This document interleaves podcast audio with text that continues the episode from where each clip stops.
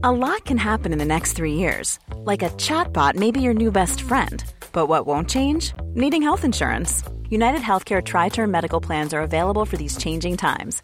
Underwritten by Golden Rule Insurance Company, they offer budget friendly, flexible coverage for people who are in between jobs or missed open enrollment. The plans last nearly three years in some states, with access to a nationwide network of doctors and hospitals. So, for whatever tomorrow brings, United Healthcare Tri Term Medical Plans may be for you. Learn more at uh1.com. Hiring for your small business? If you're not looking for professionals on LinkedIn, you're looking in the wrong place. That's like looking for your car keys in a fish tank. LinkedIn helps you hire professionals you can't find anywhere else, even those who aren't actively searching for a new job but might be open to the perfect role. In a given month, over 70% of LinkedIn users don't even visit other leading job sites. So start looking in the right place. With LinkedIn, you can hire professionals like a professional. Post your free job on linkedin.com slash people today.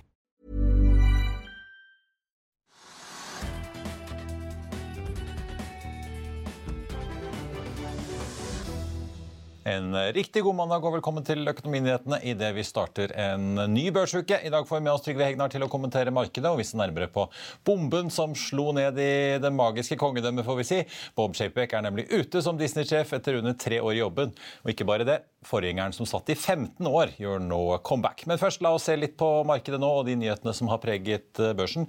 Hovedindeksen på Oslo Børs endte jo ned 1,65% i forrige uke. I dag begynte det vi litt i rødt, men den har hentet seg inn, og nå ligger hovedindeksen opp 0,4% Den får jo god drahjelp av bl.a. Equinor, som var opp 2,3% Frontline tikker opp 3 og Aker BP ligger opp 1,8 mens sjømataksjene SalMar og Movi begge ligger ned. SalMar 1,2% i minus og Movi 0,3. Begge har jo hentet seg noe inn, og sjømatindeksen på Oslo Børs er ned en halv prosent i dag. Men den falt jo da altså 3,1% på fredag, og er nå så langt i år ned 28 eh, da, etter de siste krumspringene mellom næringen og politikerne her på fredag. Nasdaq-indeksen endte så vidt i pluss på Wall Street på fredag, mens SMP 500 og Dow Jones endte opp rundt en halv prosent. Og i dag peker futuresene mot en nedgang på de amerikanske børsene, mens utviklingen her i Europa har vært eh, litt blandet eh, så langt, etter at de asiatiske børsene stort sett endte i rødt, med unntak av Japan.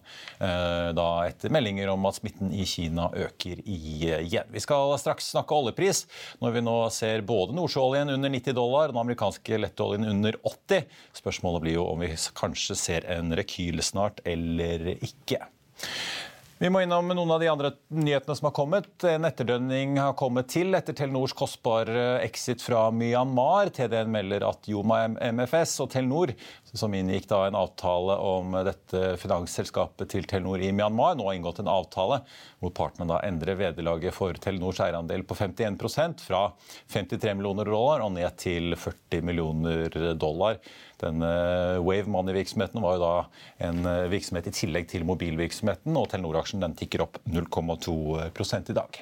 Dolphin eh, Drilling er opp nesten 3% til 15 kroner aksjen. Flere meglerhus har eh, begynt å regne på nykommeren på børsen. Arctic Securities tar opp dekning og sier kjøp med et kursmål på 24 kroner. I forrige uke så var DNB Markets og Pareto på banen og tok opp dekning. Begge de sier også kjøp. Og Riksselskapet hvor Øystein Strais Betalens ST Standard da er en av de største aksjonærene. Og mens Arctic eh, har et kursmål på 24 kroner, så har DNB 20 kroner og Pareto 21.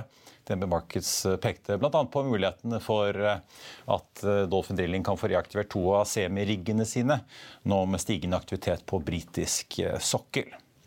Og så er det jo Nordic Nanovektor da, som har vært et regelrett mareritt for aksjonærene i år, med et fall på over 90 I dag er aksjen ytterligere ned 7,7 og selskapet er nå ute og forsvarer fusjonen som er foreslått med Apim Therapeutics. Storaksjonær North Energy raste etter at fusjonsplanene ble kjent. I en melding som de sendte ut, stilte de spørsmålstegn ved strategien som det nye selskapet skal ha. I dag er Nordic Nanovektor-sjefen ute og selskapet i en børsmelding og forsvarer prosessen, og mener ikke kunne fått til en høyere prising av selskapet, og at det heller ikke er noen realistisk vei videre som et selvstendig selskap. Og så må vi kort innom flybransjen. Finner melder at eh, de kutter ytterligere 150 jobber i selskapet som følge av at Russland fortsatt har stengt luftrommet for selskapet. Finner kom jo tidligere i høst med en stor ny strategisk plan for hvordan de skal overleve får vi si, eh, i tiden etter den store omveltningen. De har jo ledd godt på å fly over Russland til Asia. Så er Subsea 7, da, som hittil har steget rundt 70% på børsen. Der mener Citigroup at aksjen kan gå ytterligere 25% og den tikker oppover litt over prosenten da, etter analysen og også kvartalstallene vi fikk da i forrige uke. Og apropos kvartalstall, vi begynner jo å komme på hell i kvartalsesongen, men Hafnia, produkttankrederiet, er ute med sine tall, og de leverer sitt beste resultat for tredje kvartal noensinne. Aksjen er opp over 4 i dag. Rederiet tjente 280 millioner dollar i tremånedersperioden og foreslår et utbytte til aksjonærene på 140 millioner dollar. La oss i Finansavisen hjelpe deg med å holde deg oppdatert på alt som skjer i finans og næringsliv. Hver morgen er jeg, Marius Lorentzen, og aksjekommentator Karl Johan Målnes på plass i studio for å ta tempen på dagens marked i Børsmorgen. På ettermiddagen oppsummerer vi alt du trenger å vite i Økonominyhetene, og så får vi selvfølgelig besøk av masse interessante gjester. Du finner oss på fa.no-tv eller ved å søke opp Børsmorgen og Økonominyhetene der du hører på podkast.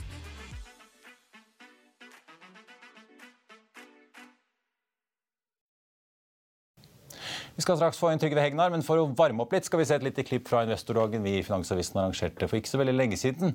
Der Jaran Rystad i Rystad Energy snakket om at det kanskje ikke blir en kjempe supersyklus i oljen fremover, som mange tror på likevel. Bare se her. Eh, så igjen så var Finansavisen ute og ringte meg og spurte hva, hva skjer nå. Eh, og da sa jeg ja, oljeprisen kan gå i null. Eh, så, som også var en litt overraskende melding, fordi lagrene går fulle. Men jeg sa også spår over 100 dollars om fatet om to år.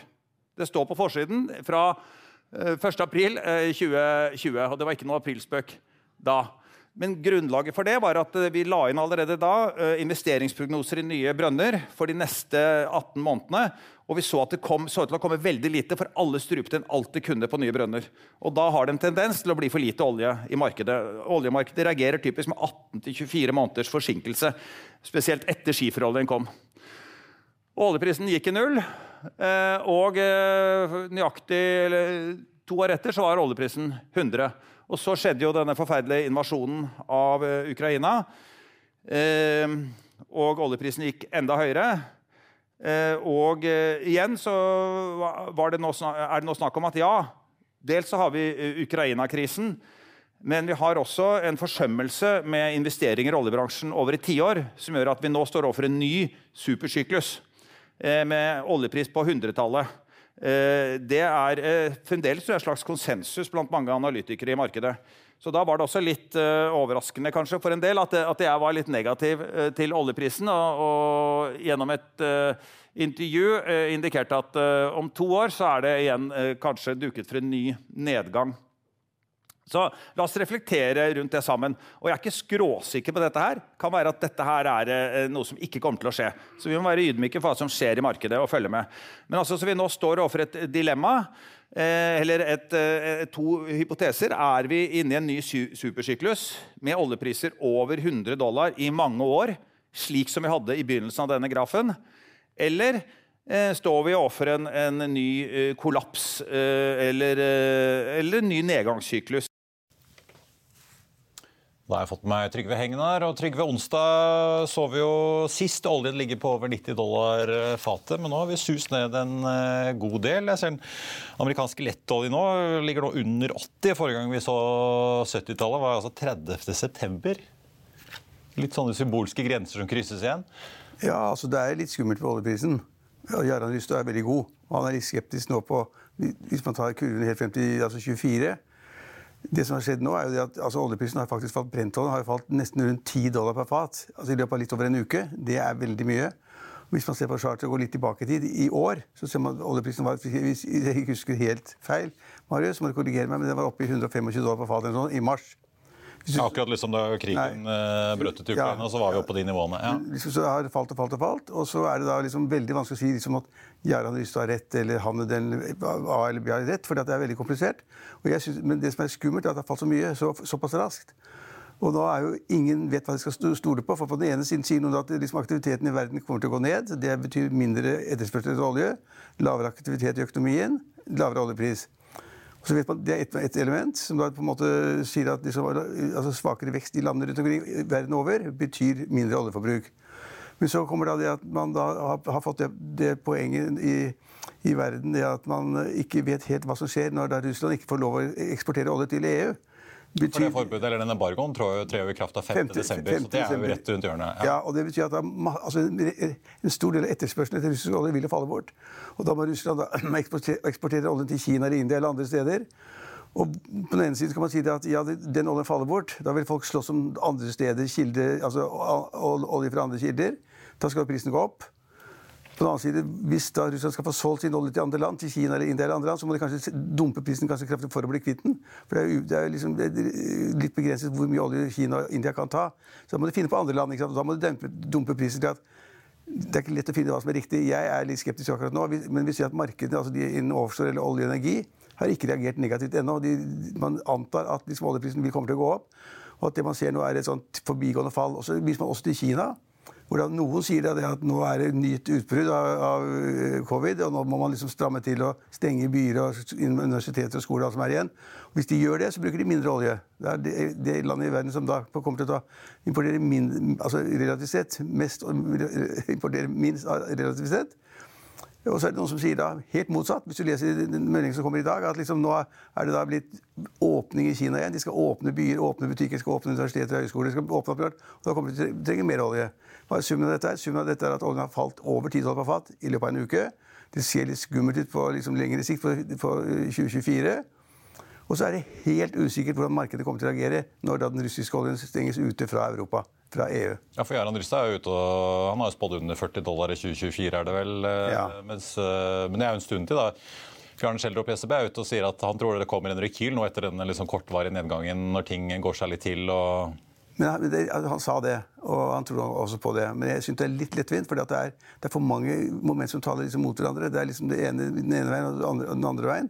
Og han sier at aktiviteten vil tas opp. Han sier spesielt at Kina liksom kommer fort, og det kommer raskt, og der skal de åpne opp overalt. Og Kina kommer til å bli en stor etterspørsel etter olje, og det betyr høyere priser.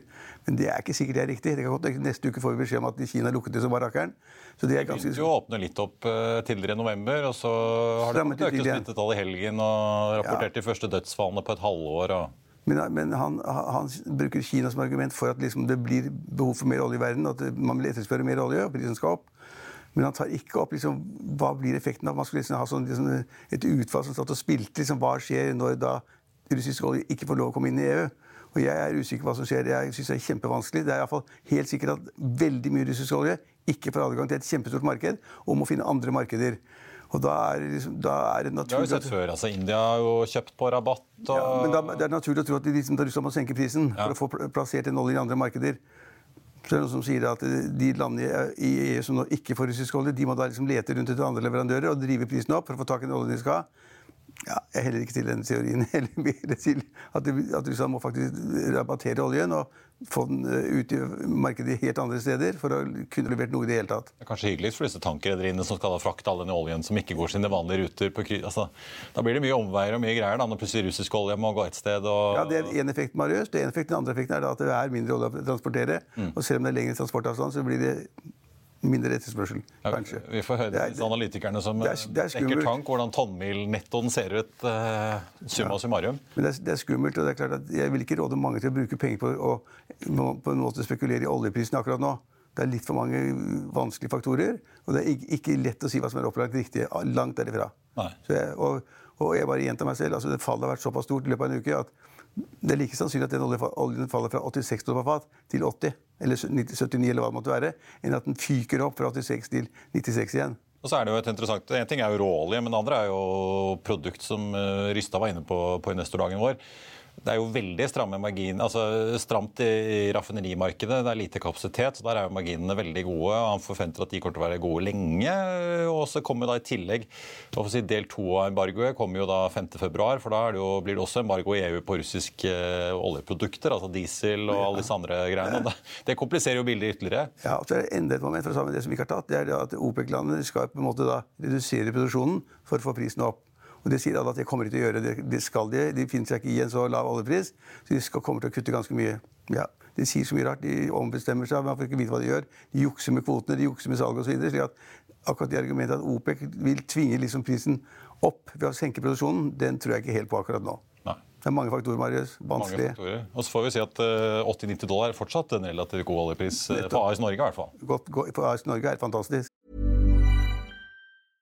I'm Sandra, and I'm just the professional your small business was looking for. But you didn't hire me because you didn't use LinkedIn jobs. LinkedIn has professionals you can't find anywhere else, including those who aren't actively looking for a new job but might be open to the perfect role, like me.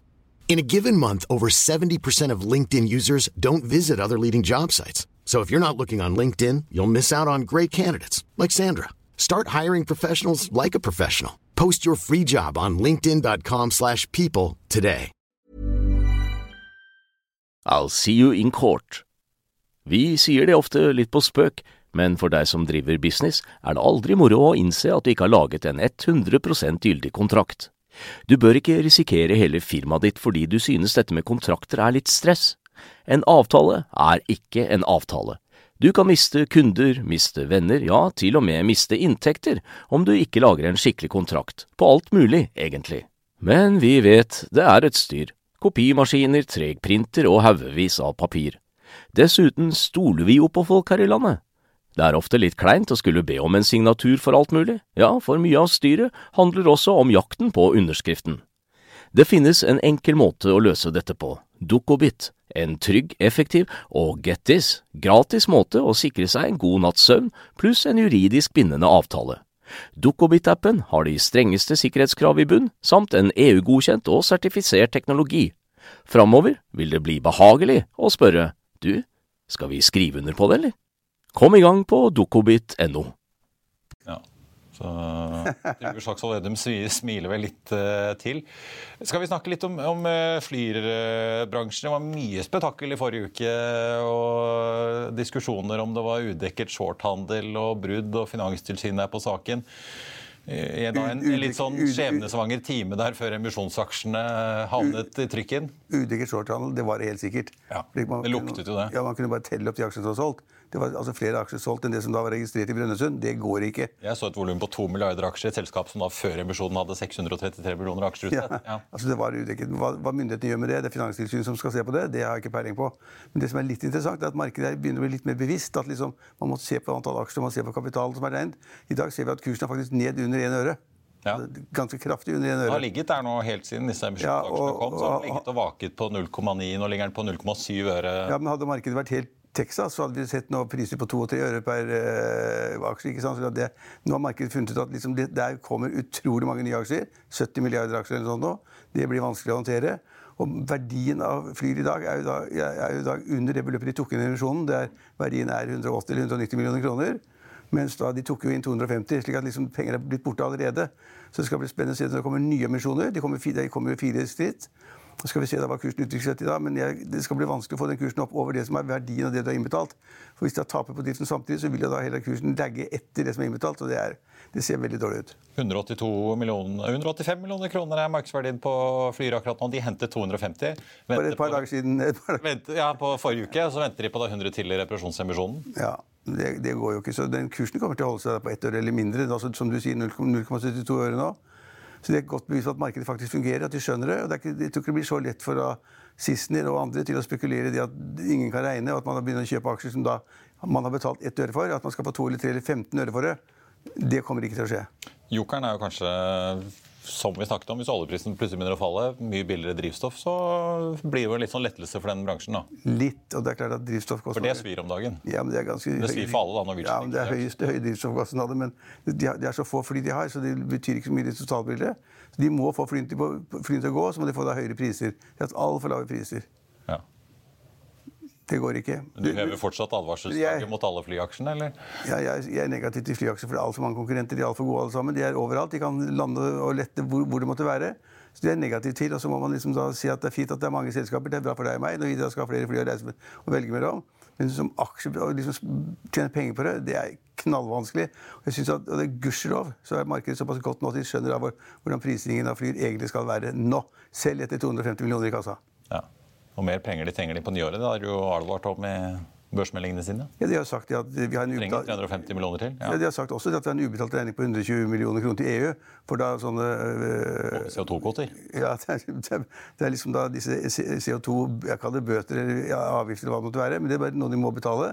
Og det må de betale i januar eller sånt. Og samtidig så skal de da har de også sagt indirekte, som du sier, de har sagt at vi kommer til å trenge mer penger etter alle disse emisjonene. Vi kommer til å trenge mer, for vi skal komme liksom ha da Ja, etter den første, de, Hvis de får inn 350 millioner nå i første runde, så har de sagt de trenger mer.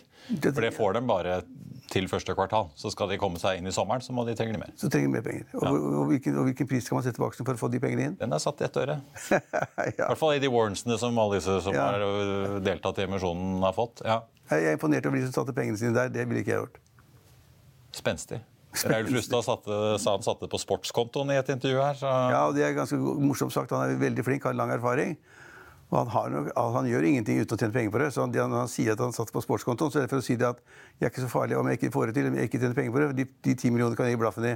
Det tror jeg ikke noe på. Jeg tror han kri- kjempesur hvis han ikke får de pengene. Så han satser på at markedene ikke er transparent- transparente, og at man ikke klarer å følge med, og at prisingen da på en måte ikke står i forhold til antall aksjer. Bare gjentar, vi gjentar og gjentar og gjentar. 70 milliarder aksjer. Det er årets mantra. Så får vi jo si da at eh, ja, hvis det plutselig ender på 1,2 øre, som i nettbanken når du til aksjer kanskje ikke virker som den store forskjellen, så er det plutselig en gevinst på 20 så Det er det. Det er det. verre er det ikke. Takk skal du ha, Trygve. Bob er ute, og Bob's back. Ja, I helgen kom altså den overraskende beskjeden om at eh, Bob Chapek, som har vært konsernsjef i Disney altså siden februar 2020, nå er ute og erstattes av ingen ringere enn 71 år gamle Bob Iger, som i 15 år ledet Disney, og som egentlig hadde sagt han ikke skulle komme tilbake til underholdnings- og resort-giganten. Bob Iger er tilbake nå på en kontrakt på to år, og Disney skriver i en uttalelse at Iger har fått et mandat til å sette den strategiske retningen for fornyet vekst, og at han skal jobbe med styret for å finne sin arvtaker. Disney-aksjen er nesten halvert i år, og selv om parkene leverer rekordtall, så sliter selskapet altså med store tap i strømmetjenestene sine.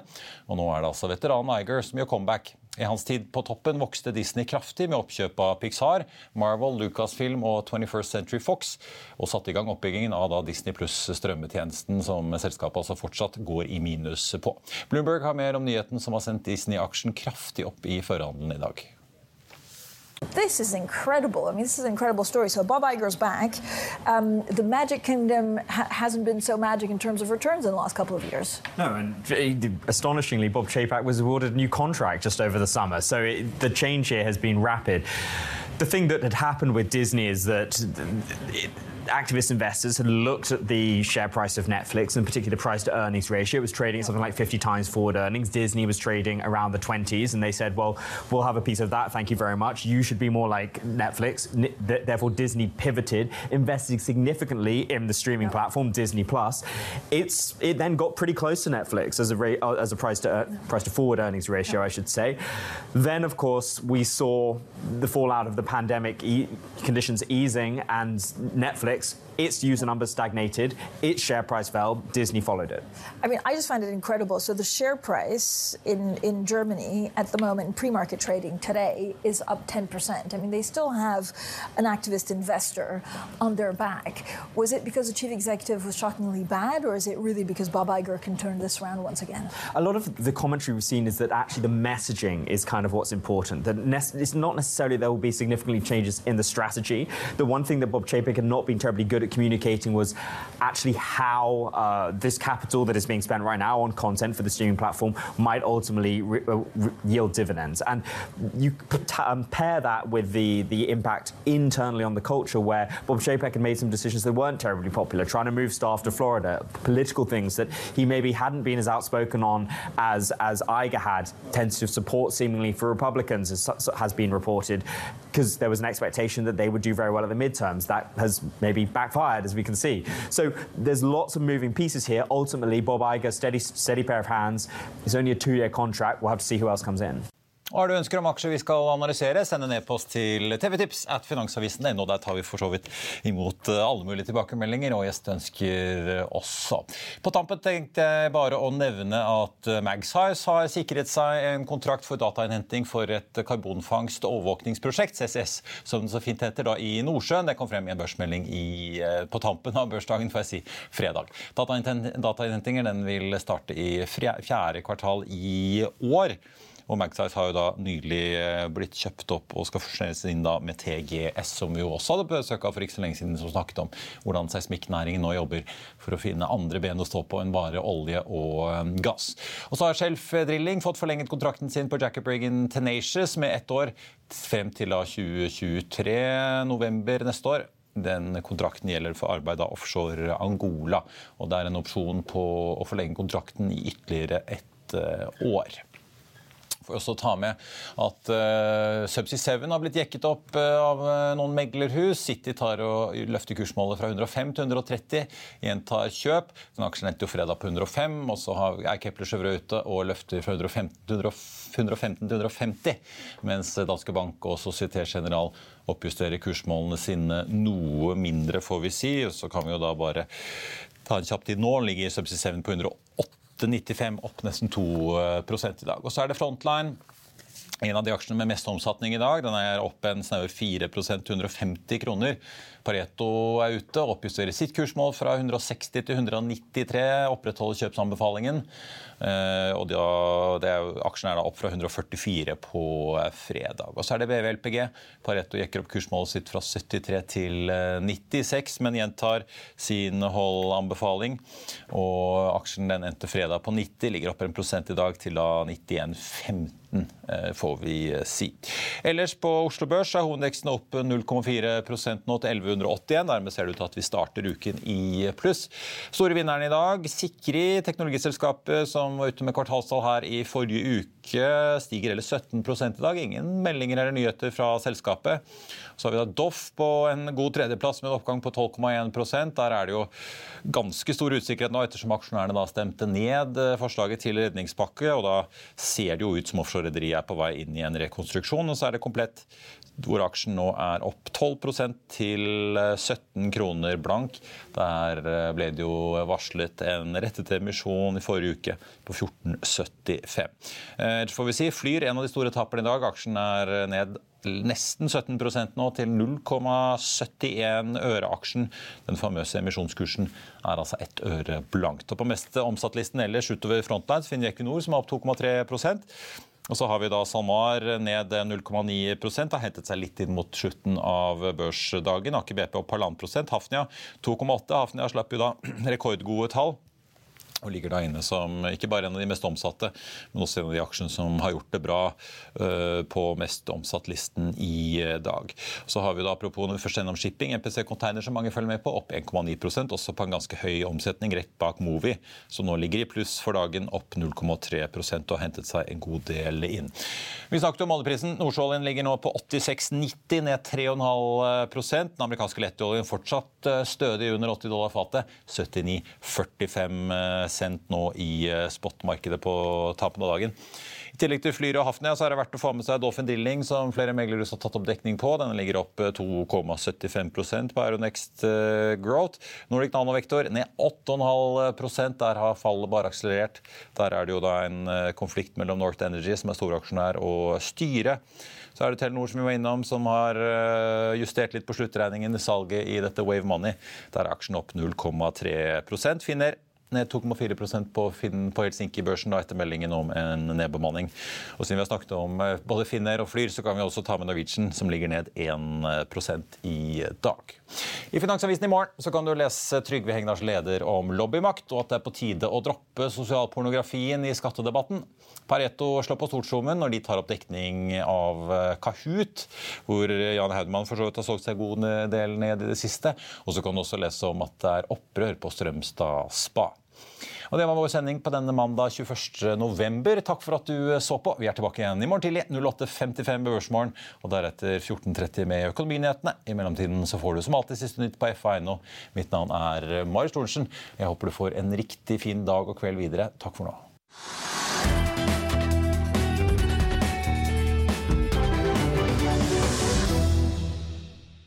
Økonominyhetene er en podkast fra Finansavisen. Programledere er Marius Lorentzen, Stein Ove Haugen og Benedikte Storm Bamvik. Produsenter er Lars Brenden Skram og Bashar Johar. Og ansvarlig redaktør er Trygve Hegnar.